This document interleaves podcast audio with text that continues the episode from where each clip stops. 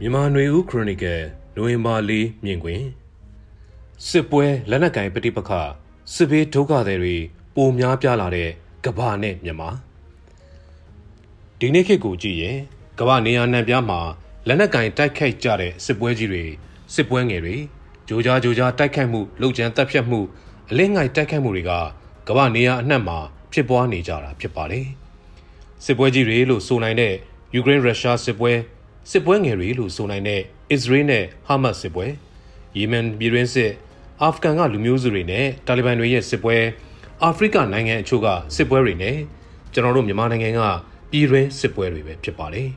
1989ခုနှစ်နိုဝင်ဘာလဘာလင်တိုင်းပြိုပြီးတဲ့နောက်မှာအရှိအုပ်စုလို့ခေါ်တဲ့ကွန်မြူနစ်ဝါဒဆိုရှယ်လစ်ဝါဒအုပ်စုရဲ့အန်ဒီယမ်မရှိတော့တဲ့လောက်အနေအထားမျိုးဖြစ်ပေါ်ခဲ့ပြီးကမ္ဘာပေါ်မှာလက်နက်ကင်ပဋိပက္ခတွေကြီးကြီးမားမားထပ်ဖြစ်လာဖို့အလားအလာ စိတ်မမြင်ကြတော့ပဲ liberal democracy နဲ့အတူဈေးကွက်စီးပွားရေးဝါဒကကွန်မြူနစ်ဆိုရှယ်လစ်ဝါဒကိုအနိုင်ရသွားတဲ့အနေအထားဖြစ်ပြီးအမျိုးသားနိုင်ငံတွေအမျိုးသားရေးဦးစားပေးတဲ့အစိုးရတွေ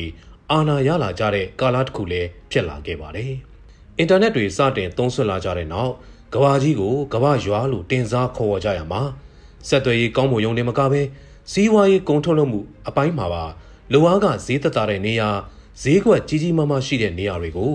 ကုန်ထုတ်လုပ်မှုဝန်ဆောင်မှုလုပ်ငန်းတွေရွှေ့ပြောင်းကြပြီးကမ္ဘာနေရာအသီးသီးကထုတ်လုပ်တဲ့ကုန်ပစ္စည်းတွေကိုကမ္ဘာနိုင်ငံအသီးသီးကိုကောင်းမွန်တဲ့ဆက်သွယ်ရေး website တည်ယူပို့ဆောင်ရေးစတာတွေနဲ့ကမ္ဘာရွာအဖြစ်ပြောင်းလဲဖို့လှုံ့ဆော်ခဲ့ကြတာဖြစ်ပါတယ်။ဒါပေမဲ့လို့အဲ့ဒီအချိန်ကအကောင်းမြင်ကြသလိုစိတ်ကူးယဉ်ကြသလိုကဘာကြီးကစစ်ပွဲတွေပြိပခါတွေခြုံငင်းသွားကြမဲ့အနေထားမျိုးတော့မဟုတ်တာဆယ်စုနှစ်တခုကျော်အကြာမှာ သတိပြုမိလာကြပြီဖြစ်ပါတယ်။ကဘာမှာအင်အားကြီးလာတဲ့နိုင်ငံအချင်းချင်းဈေးကွက်နေပညာအကျိုးစီးပွားတွေကိုကာကွယ်ဖို့ဒါမှမဟုတ်လက်ဦးမှုရယူကအသာစီးရထားအောင်ထိမ့်ချုပ်ကန့်သက်ထားဖို့ကြိုးပမ်းလာကြရက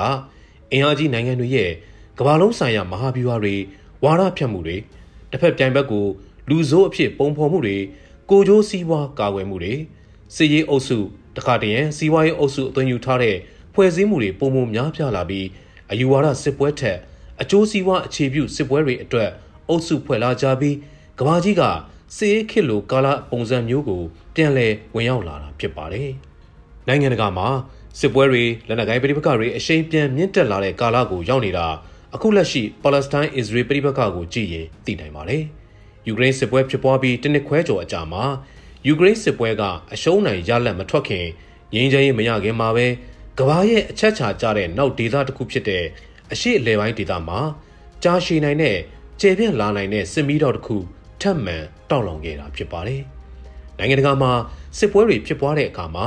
နိုင်ငံတွေရဲ့အစိုးရတွေကဘယ်လိုရက်တည်သလဲလို့ဆိုရင်အကျိုးစီးပွားကိုပထမအနေနဲ့စဉ်းစားတွက်ချက်ပြီးရက်တည်ကြတာဖြစ်ပါတယ်။ဒီစစ်ပွဲကနိုင်ငံရေးအရာစီးပွားရေးအရာဘာအကျိုးရလဲထွက်မလဲဆိုတာပထမဆုံးဦးစားပေးတွက်ချက်ကြပြီး လူခွင့်ရေးလူနည်းစုခွင့်ရေးတရားမျှတမှုဒဏ်တူညီမျှမှုစတာတွေကဦးစားပေးစဉ်းစားတဲ့အချက်တွေထဲပါဝင်လေ့မရှိတာကိုလည်းတွေ့ရမှာဖြစ်ပါတယ်။လူသားချင်းစာနာမှုတရားမျှတမှုစတဲ့အချက်တွေက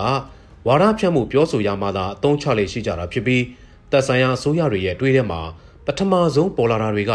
အကျိုးစီးပွားတွေဖြစ်ပါတယ်။ပါလက်စတိုင်းအစ္စရေးပြည်ပခဟာကမ္ဘာပေါ်ကနိုင်ငံအသီးသီးကခေါင်းဆောင်တွေ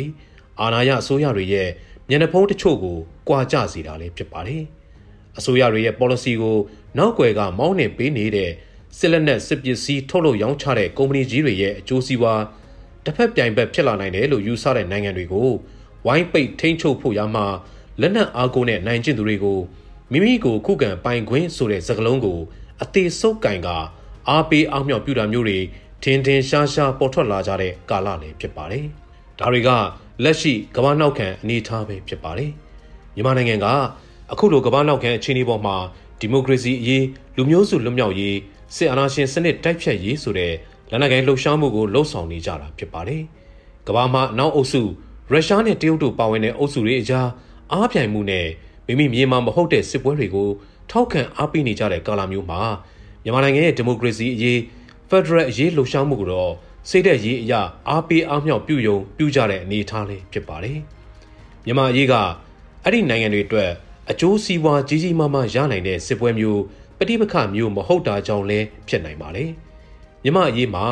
ဘာအကျိုးစီးပွားရဖို့ရှိနိုင်တယ်လဲဆိုတဲ့အချက်နောက်တစ်ချက်ကတံပြန်တက်ရောက်နိုင်မှုတွေကိုတွေးဆပြီးလက်နက်ကိုင်ပြိပခတွေကိုရုပ်ဝတ္ထုအရထောက်ခံကူညီတာမျိုးအထိထဲထဲဝင်ဝင်မပါဝင်လိုကြဘဲစိတ်သက်ရေးအားပေးမှုအဆင့်လောက်နဲ့ နှစ်သိမ့်ကြတာမျိုးလည်းဖြစ်ပါတယ်မြန်မာနိုင်ငံကလက်နက်ကိုင်တိုက်ပွဲဝင်သူတွေစစ်အာဏာရှင်စနစ်ကိုဖျုတ်ချဖို့ကြိုးစားတဲ့အင်အားစုတွေအဖို့နိုင်ငံတကာရဲ့အကူအညီလိုမျိုးရရှိဖို့မျှော်လင့်ချက်မထားဘဲမိမိတို့ရည်မှန်းချက်နဲ့မိမိတို့ရဲ့လှုပ်ဆောင်နိုင်စွမ်းကိုသာနှိုင်းချိန်ပြီးဆုံးဖြတ်ရမယ့်သဘောလေးဖြစ်ပါတယ်။ကမ္ဘာမှာလက်နက်ကိုင်ပြည်ပကတွေတနိုင်ငံနဲ့တနိုင်ငံဖြစ်တာမျိုးမဟုတ်ဘဲတအုပ်စုနဲ့တနိုင်ငံတအုပ်စုနဲ့အခြားတအုပ်စုတို့အကြားဖြစ်ပွားတဲ့စစ်ပွဲတွေဟိုနာဒီနာဖြစ်နေချိန်မှာ မြန်မာနိုင်ငံကတိုင်းရင်းသားလူမျိုးစုလက်နက်ကင်တွေနဲ့ပြည်မကဆီယနာရှင်စန့်ကျင်ရေးလက်နက်ကင်အင်အားစုတွေအကြားဘယ်လောက်ထိဘုံအကျိုးစီးပွားတူညီကြသလဲ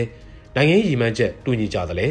ဘယ်လောက်ပူးပေါင်းလှုပ်ဆောင်နိုင်ကြသလဲဆိုတဲ့ပုံမှာမူတည်ပြီးလက်ရှိလက်နက်ကင်တော်လှန်ရေးရဲ့အရှုံးနိုင်ကပေါ်ထွက်လာလိမ့်မယ်လို့ထင်မြင်မိပါတော့တယ်ခင်ဗျာ။